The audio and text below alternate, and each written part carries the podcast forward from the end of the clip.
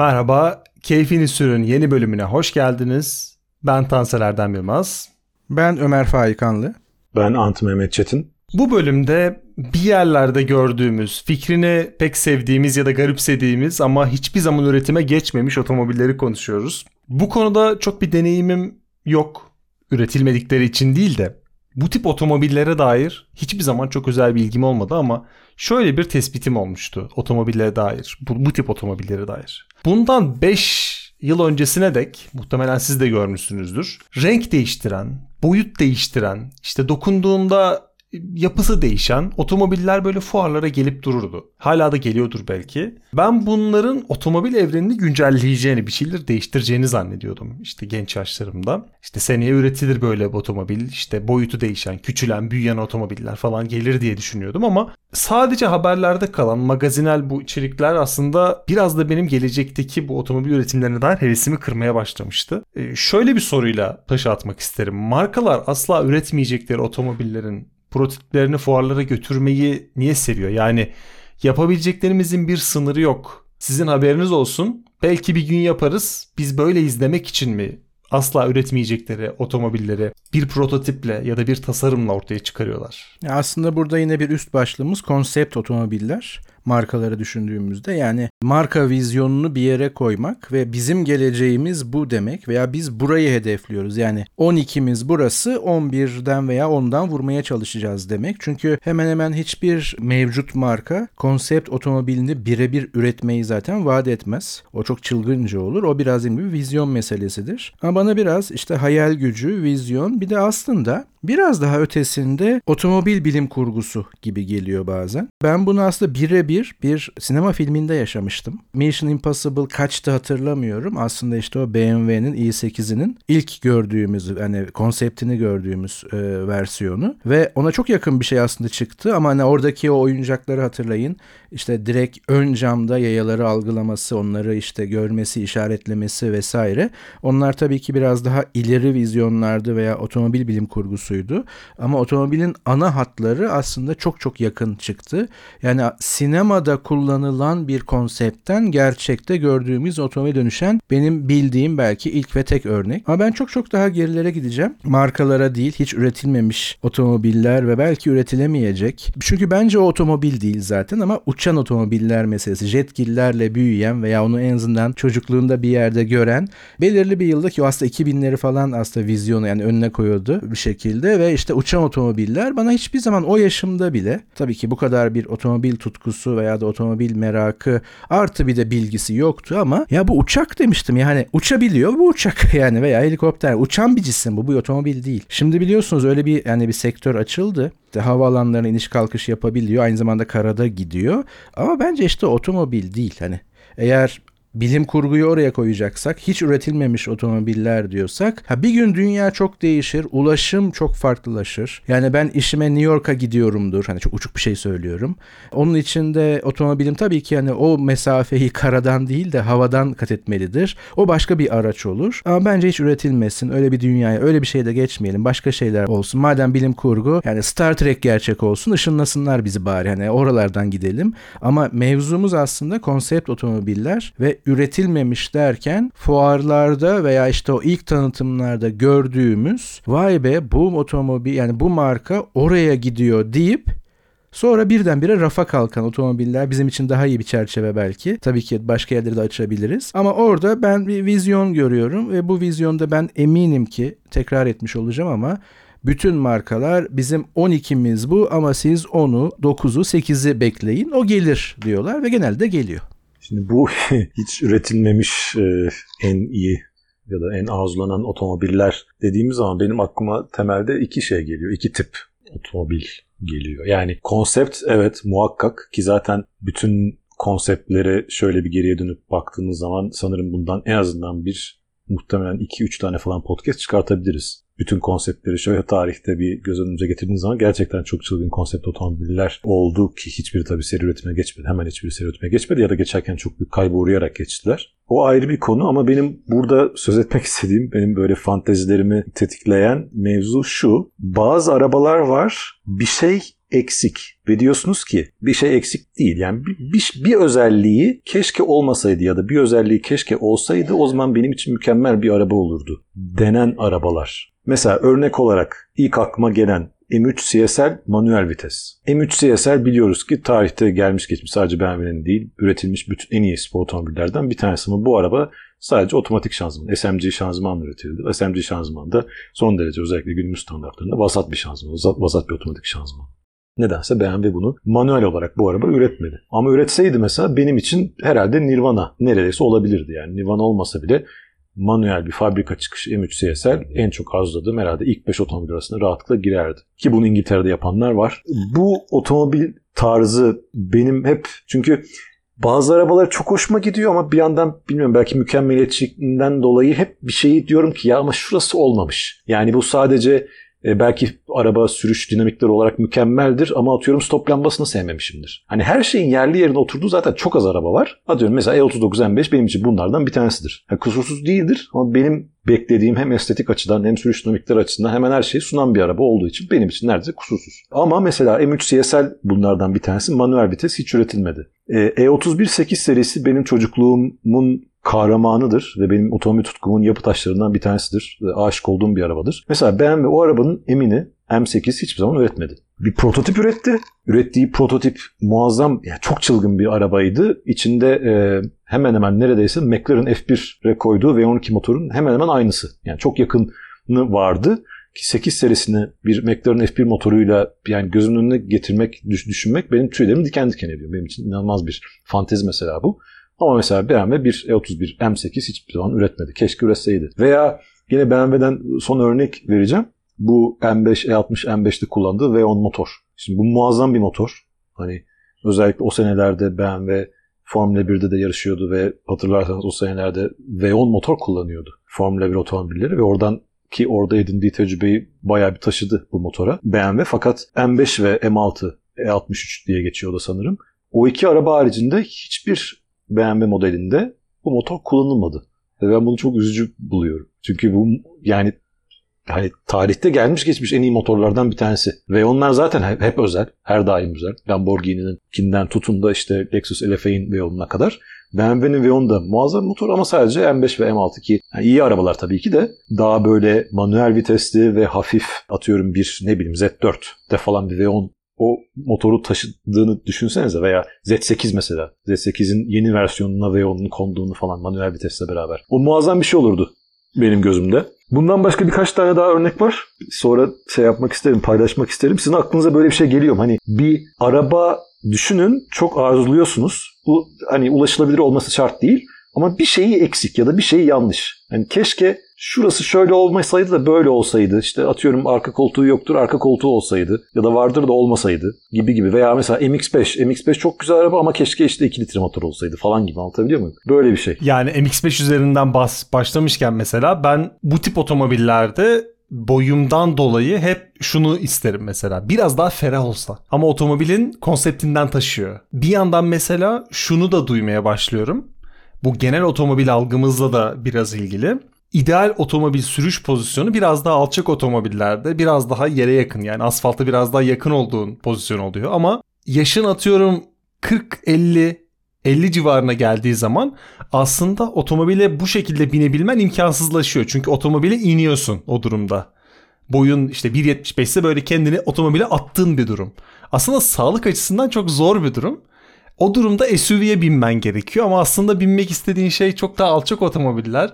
Yani ee, günün birinde ya şu otomobile binebilsem çok güzel bir oturuş pozisyonu olsa ama ben binerken de şöyle rahat ettirse falan diyebileceğimiz bir noktaya gelecekmişim gibi geliyordu son zamanlarda.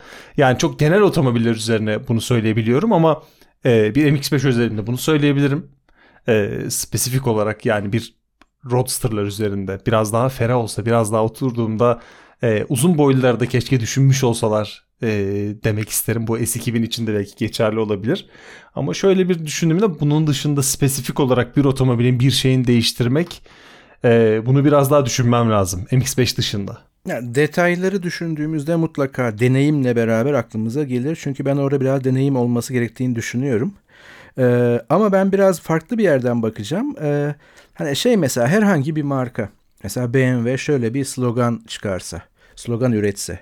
2024'ten itibaren. En iyi BMW henüz üretilmedi. Ben şöyle bir mail atarım. Ya ürettiniz farkında değilsiniz. Hatta ben gelecekten çok şüpheliyim. O yüzden bunu çok mesela genellersem hani en iyi otomobil henüz üretilmedi hiç çalışmayacak bir slogan. Çünkü hemen söyleyeyim mesela en iyi muharip uçak henüz üretilmedi desem evet doğru. Çünkü 5. 6. jenerasyon muharip uçaklar yani çok daha farklı şeyler yapacaklar. Ya da en iyi bilgisayar henüz üretilmedi. Evet çünkü o hız, işlem kapasitesi vesaire gelecekte bize çok şey parla gösteriyor. Ama biz ilk programdan beri biraz şeyi e, altını yani doldurmaya çalışıyoruz. Hani biraz hüzünlü bir şekilde yani otomobil aslında artık gök yani ufukta batmaya başladı. Bu daha çok uzun sürecek. Biz çok keyifli programlar yapacağız. Çok keyifli otomobilleri süreceğiz eminim ki. Keyfini süreceğiz yani. Ama e, andığın e, programlardan birinin dediği gibi belki de otomobil öyle bir zevk olacak ki işte bugünkü e, ata binme keyfi gibi gidip özel alanlarda bindiğimiz bir şeye dönüşecek. O yüzden aslında en iyi otomobil henüz üretilmedi. Belki de bir segmentte, bir üründe, bir üretimde, bir eserde ee, çalışmadığı tek yer otomobil dünyası. Onun dışında Andın dediği şey çok doğru. Deneyimlerimizle işte BMW örneğinde, Mercedes örneğinde, belki Ferrari'de ya çok iyi de şöyle olsaydı dediğimiz bir şeyleri mutlaka koyarız. Burada sadece MX-5'i ben dışarıda bırakacağım. Çünkü dediğin şeyi yaparlarsa o artık MX-5 olmaz. Ama tabii ki talepler sınırsız. hani biraz daha rahat olsun, biraz yerden yüksek olsun, uzun boylular rahat kullansın falan derken ortaya çıkabilecek şeye bir bakmak lazım. Yani bir konsept otomobil çıkabilir. Ee, ama bendeki çağrışımı bu. Yani konsept otomobilleri o yüzden açtım aslında ilk olarak. Yoksa Andın dediği hat çok daha güzel, çok daha keyifli konuşması. Yani o vizyonum bu, geleceğim bu. Bak böyle bir şey üreteceğim derken bir otomobili göremedim. Otomobil nerede diyebiliyoruz artık yavaş yavaş. Ee, mesela otonom sürüş bence büyük kolaylık gelecek için belki de ama bu artık sürücüyü devreden çıkardığı zaman yani biz neden bahsediyor olacağız? Hangi keyiften bahsediyor olacağız? Gibi şeyler var. Onu başka bir yerde konuştuk ve konuşuruz. Ee, ama ben şimdiden bütün e, markalara o maili atmaya talibim. Yani bir gün Ferrari, Lamborghini, Mercedes, Audi, BMW hangisi aklınıza geliyorsa yani bizim keyif aldığımız ve belli bir yere koyduğumuz herhangi bir marka henüz en iyi XXX üretilmedi gibi bir slogan yazdığı anda ben onları mail bombardına tutarım. Hayır ürettiniz farkında değilsiniz saçmalamayın demek için. O yüzden otomobil dünyasının bir geçmişiyle beraber bir bakmak lazım. Ee, üretilmemiş otomobiller biraz hayal gücümüz ve dediğim gibi deneyim. Yani orada zaten biraz çuvallıyoruz. Çünkü bir önceki programda tabii ki biz bunu ardıl çekiyoruz. Biz bunu biraz önce konuştuk ama siz bir hafta arayla dinlemiş olacaksınız. Ee, Erdem bizi üçümüzü eşitledi. Yani hiç üretilmemiş oldukları için hiçbirimiz test etmedik, hiçbirimiz kullanmadık. Ama kullandığımız araçlar üzerinden şu da olsaydı dediğimizde yine Ant önde. O yüzden ondan biz bir iki model daha bence isteyelim. En iyi otomobil henüz üretilmedi ya da en iyi BMW henüz üretilmedi vesaire e, katılıyorum, kesinlikle katılıyorum. E, hemen hemen hiçbir otomobil markasının, belki Tesla hariç gene, e, şu ana kadar ürettiklerinin arasından hani şu ana kadar ürettiklerinin daha iyisini bir total olarak üreteceğini bundan sonra ben de zannetmiyorum. E, burada tabii daha hızlı epe, kesinlikle olacaklardır. Muhakkak. Zaten tek yapabildikleri şey bu. Şu anda işte elektrikle falan beraber sıfırdan yüze daha hızlı çıkıyorlar başka bir şeyi daha iyi yapıyorlar mı diye uzun uzun düşünüyorum ve hayır. Yani sıfırdan yüze sadece daha iyi çıkıyorlar ve daha sessizler elektrikli oldukları için. Onun dışında daha iyi bir şey yaptıkları yok. Ne daha konforlu araba yapabiliyorlar. Yani aynı parayı aldığınız arabalardan bahsediyorum.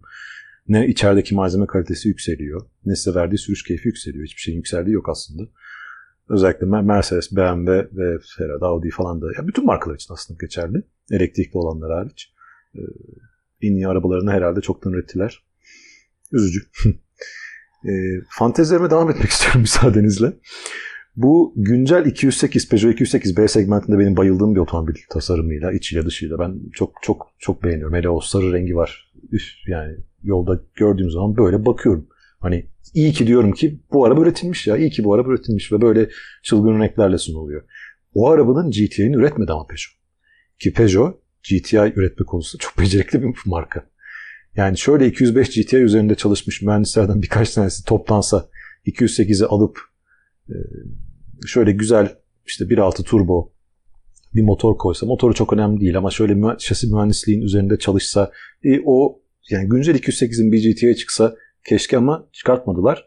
E, birkaç yerde işte araştırdığım kadarıyla elektrikli olarak 208 GTI işte Bay Peugeot Sport falan çıkarma ihtimalleri var.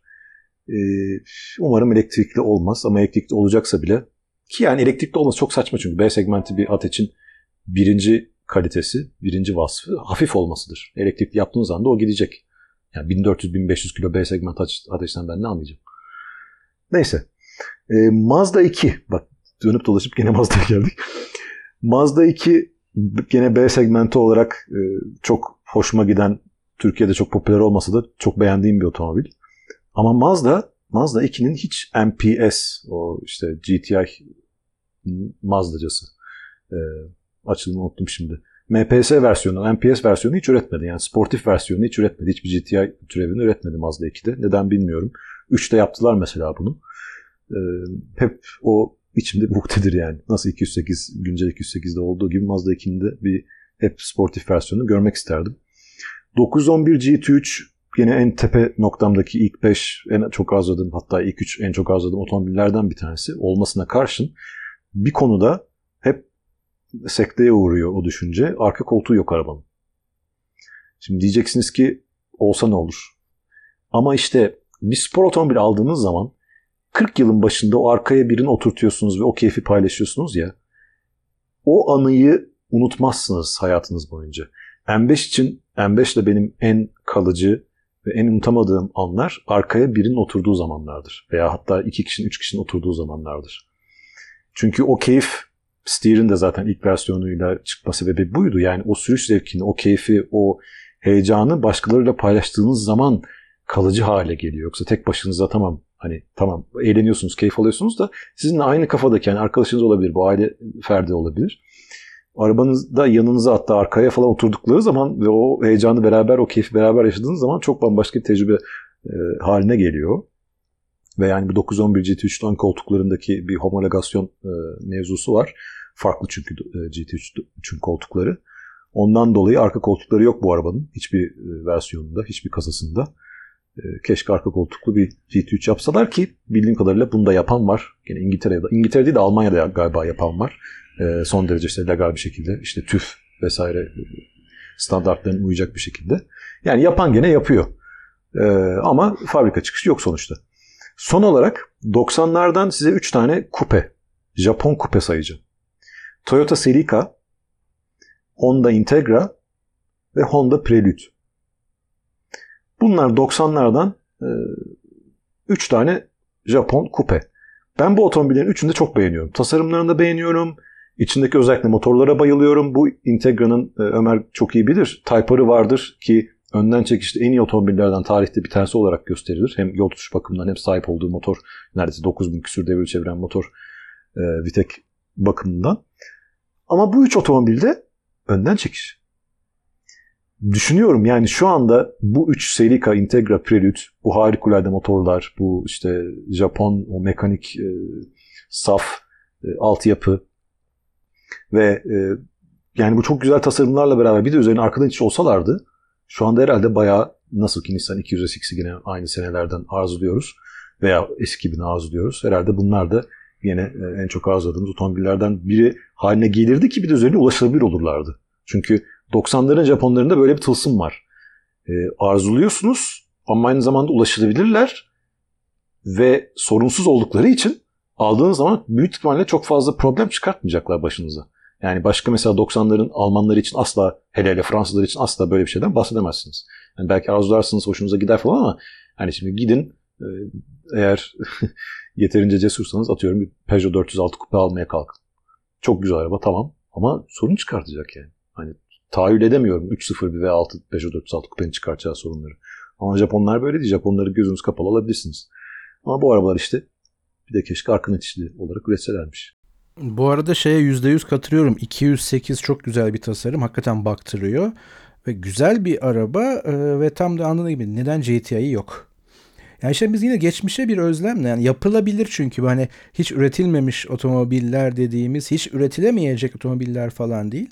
İşte otomobil dünyasının e, politikasının yani ekonomik ve tasarım politikasının geldiği noktada evet 208 yani GTA'ya artık gerek yok. 208 daha bir yol arabası yani şehir arabası vesaire diye. Halbuki onun çok küçük dokunuş. Tabii bize küçük geliyor. Eminim arkasına devasa bir yatırım gerekiyor ama e, yani üretilmemiş ama üretilebilir. Üretilse de otomobil tutkunlarının çok keyif verecek bir e, ve tarihe belki geçecek, kalacak bir model olacak.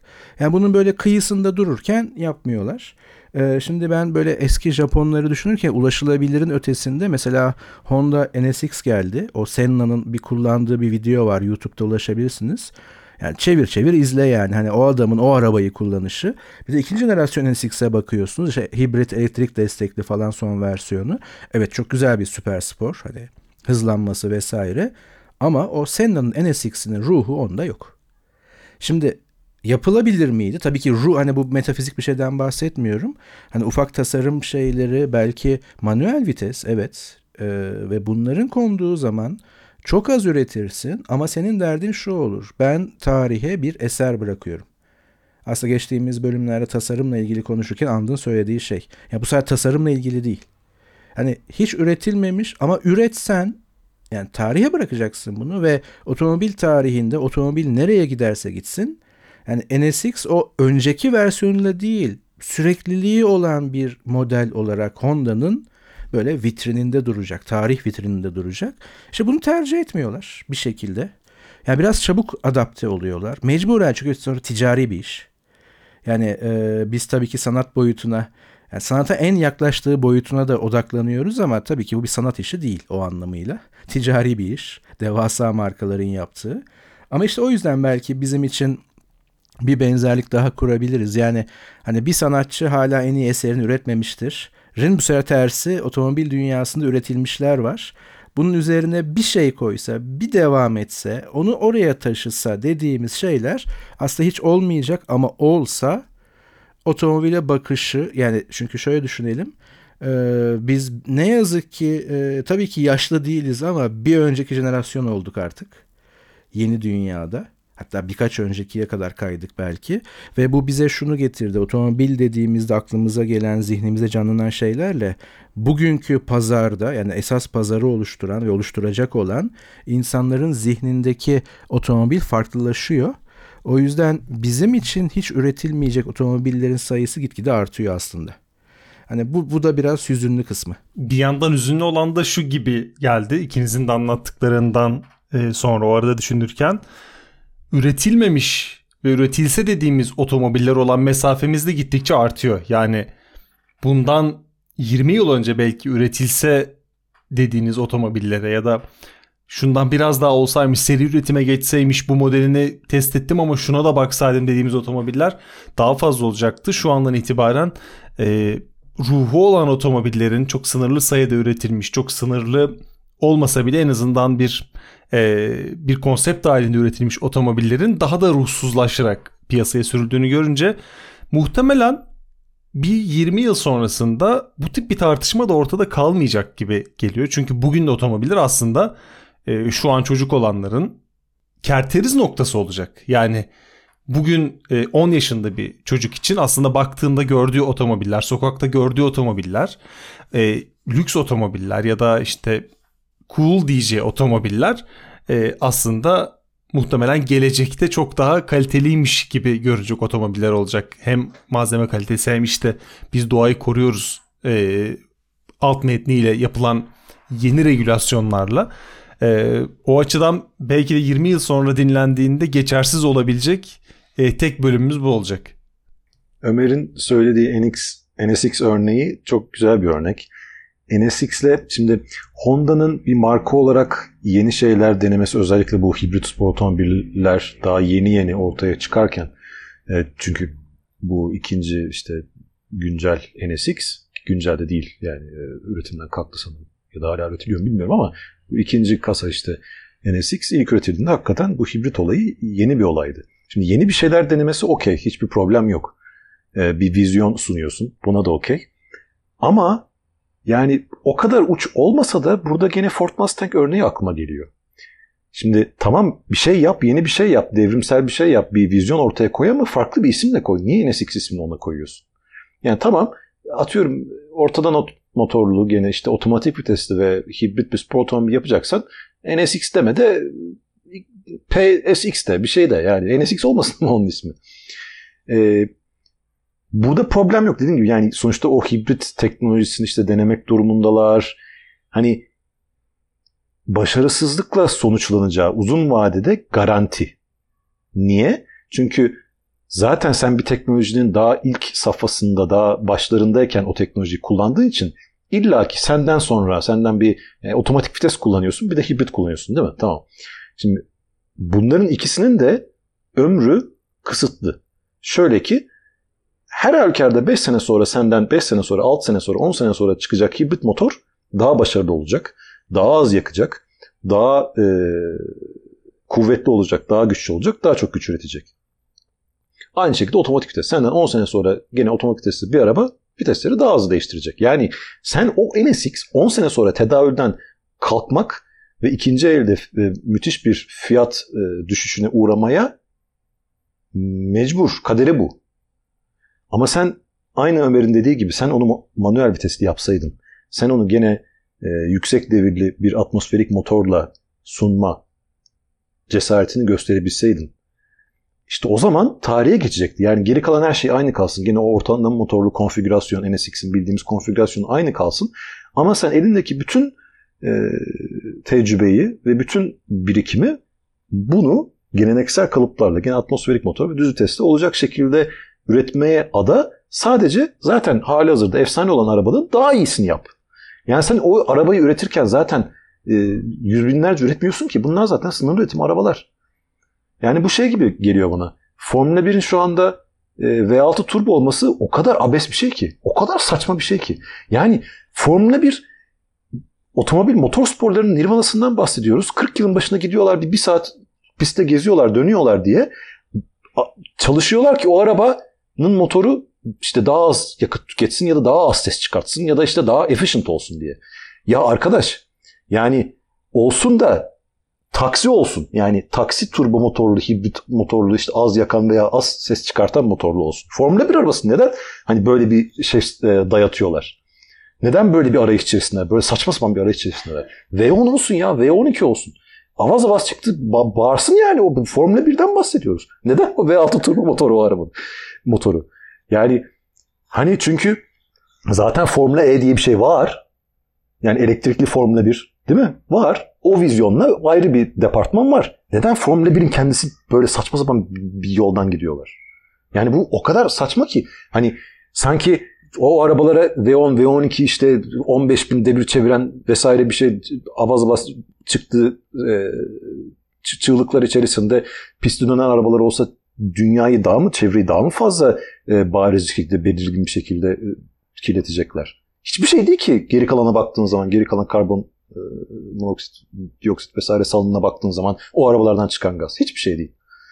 NSX'de de konuya geri dönecek olursak böyle yani NSX'i neden bu kadar uğraşıyorsunuz, bu kadar kastırıyorsunuz? Aman hibrit olsun da işte otomatik vites olsun, ay manuel olmasın falan. Yani bundan 10 sene sonra kim o arabayı, bundan 10 sene sonra birinci nesil NSX'in fiyatı aynı kilometrede kat be kat daha pahalı olacak ikinci nesil NSX'ten. Arada 20 sene olmasına rağmen. 30 sene olmasına rağmen. Ki markalar mesela belki zannediyorlar ki satılmaz. E peki Lexus LFA diye bir araba var. Şimdiden efsane. Niye? Motoru yüzünden. En son bu Aston Martin Velour diye bir araba çıkardılar. Kapış kapış satıldı. Bütün sosyal medya inliyor. Niye? Manuel vitesi var arabanın. 5.2 5.2 mi? Bilmem kaç 6 litre 5 litre V12 turbo motoru var arabanın. Hadi onu geçtim. O motorla beraber 2023'te üretilen bir spor otomobilinden bahsediyoruz. Manuel vitesi var. O yüzden de kapış kapış satıldı. 100 e, tane mi ürettiler? 110 tane mi ürettiler arabadan? Aston Martin 110. yılını kutlamak için. 1000 tane üretselerdi 1000 tane satılacaktı o araba. Niye? Otomatik vites değil çünkü manuel vites araba. Yani bazı şeyleri bu kadar bariz gerçekleri neden göremiyor markalar anlamıyorum. Tamam hibrit yap, tamam işte turbo yap, tamam sessiz olsun bilmem ne olsun da e, Civic öyle olsun işte Jazz öyle olsun. NSX'e niye bulaştırıyorsun bunu? Hani zaten şurada kaç sene kalmış senin bu arabaları üretebilecek, manuel vitesli atmosferik motorlu arabaları üretebilecek regülasyonlardan dolayı kaç sene kalmış? Heba etme ya. Ki burada hani Honda aslında bu işi başka bir yerde yapıyor. Hani Civic zaten satıyor ve hep satacak bence. Çok iyi bir seri. Her bir kasasında evet hani eleştirilecek şeyler olabilir ama e, pek çok Avrupa ve belki Amerika kentinde göreceğiniz bir model olacak. Ama onun nirvanası ne? Type R ve Type R hiç değişmiyor.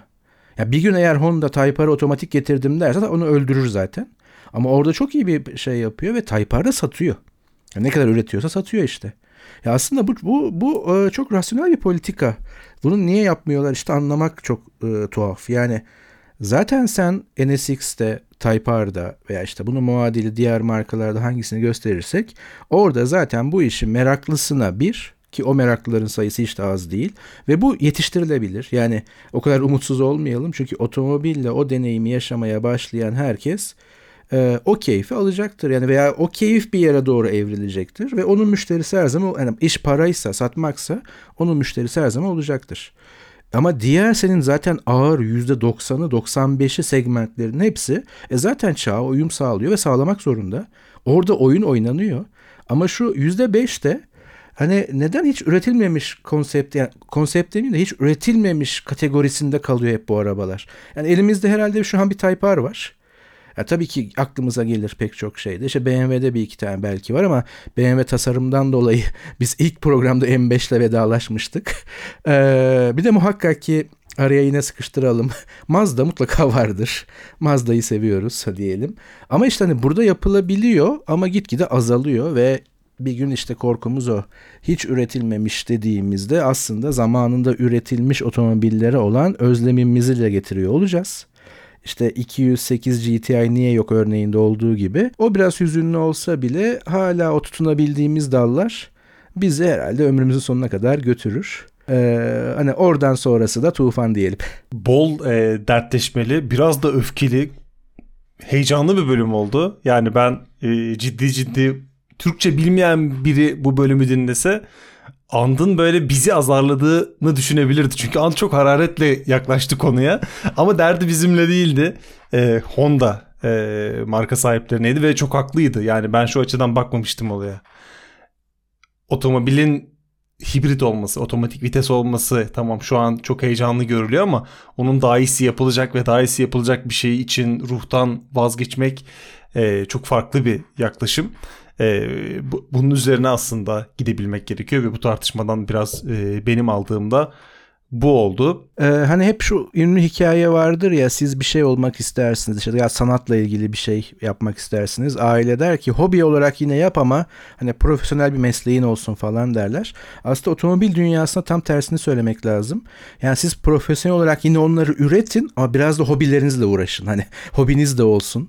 Hani o bizi bir yere taşıyacak. Esas konseptler onlar. Korunması gereken konseptler. Hani geleceğe vizyon falan değil. Ben bunu işte Mustang örneğinde olduğu gibi gerçek bir Mustang üreteceksen ben bu ruhu işte 64'lerden aldım. 2023'ün Mustang'i o ruhu, o DNA'yı taşıyacak şekilde bu. Ama ben Ford olarak işte bilmem kaç tane ürün gamında şey var. Yani onlar ayrı. Onlar profesyonel, profesyonel işim. Ama benim Ford olarak olumlu anlamda kullanıyorum. Hobim de bu. Mustang. Diyebildiği noktada hala ışık var demektir. Çok çok güzel bir e, analoji. Çok güzel bir örnek. Kesinlikle. Kesinlikle kesinlikle. Yani çok belirgin bir şekilde sen Mustang gibi, Mustang gibi üretirsen, NSX, NSX gibi üretirsen, Type-R'ı Type-R gibi üretirsen gördüğümüz gibi alıyorlar zaten. Alacaklar yani. Hani e, hani şöyle bir şey var. Mesela Ferrari'de biraz daha sular bulanık. Neden? Çünkü sadece spor otomobil üretiyorlar. O yüzden eğer halen bütün modelleri manuel vitesli ve atmosferik yüksek devirli olursa zaten yapamazlar. Çünkü işte bir takım emisyonlar vesaireye takılırlar. Hani e, o hareketi, o dönüşümü gerçekleştirmek zorundalar. Çünkü başka tür bir otomobil üretmiyorlar. Ama Honda'da ve Ford'da örneğini verdiğimiz gibi bunlar bunu yapabilirler. Yani bunlar standart otomobillerinde zamanı ayak uydururken, işte hibritleşirken, elektrikleşirken vesaire e, spor otomobillerini hala spor olarak üretebilirler. O ruhu koruyabilirler ve korumalılar. Çünkü bundan çekilmeleri gereken hiçbir şey yok. Bu otomobilleri biz alıyoruz. Yani bu otomobillerin alıcısının istediği şey belli. Biz manuel vites istiyoruz. Biz atmosferik yüksek devir çeviren ve sürüş keyfi yüksek arabalar, mekanik arabalar istiyoruz. Halen alabilecekken. Diyorum ya yani örnekleri belli. LFA, Lexus LFA, işte şu anda Aston Martin Velour vesaire veya Aston Martin V12 Vantage'in mesela manuel viteslisi var. Yani bunlar hani düşünebiliyor musunuz ya? Bundan 20 sene 30 sene sonra o Aston Martin V12 Vantage manuel vites ne kadar kıymetli olacağını düşünebiliyor musunuz? Tahayyül edebiliyor musunuz? Sürekli değeri katlanacak. Başka hiçbir şey olmayacak. Hadi oraya kadar gitmeyin ya. Honda NSX. ilk nesil Honda NSX. Yani sağlamları, temizleri tarih boyunca sadece fiyatı yükselecek. Hiçbir zaman düşmeyecek. Bunu görmek bu kadar zor değil. Hobi olarak yine yap çağrısını biz bu sefer bir şeyden vazgeçirmekten ziyade gerçekten yapın, hobi olarak yapın. Yine yapın oradan çıkarıyoruz. Bunu hobi olarak mutlaka yapın diyoruz. Haftaya yine haftanın son iş gününde otomobil kültürü üzerine konuşacaklarımızı, paylaşacaklarımızı size getirmek için burada olacağız. Haftaya görüşmek üzere. Görüşmek üzere. Hoşçakalın.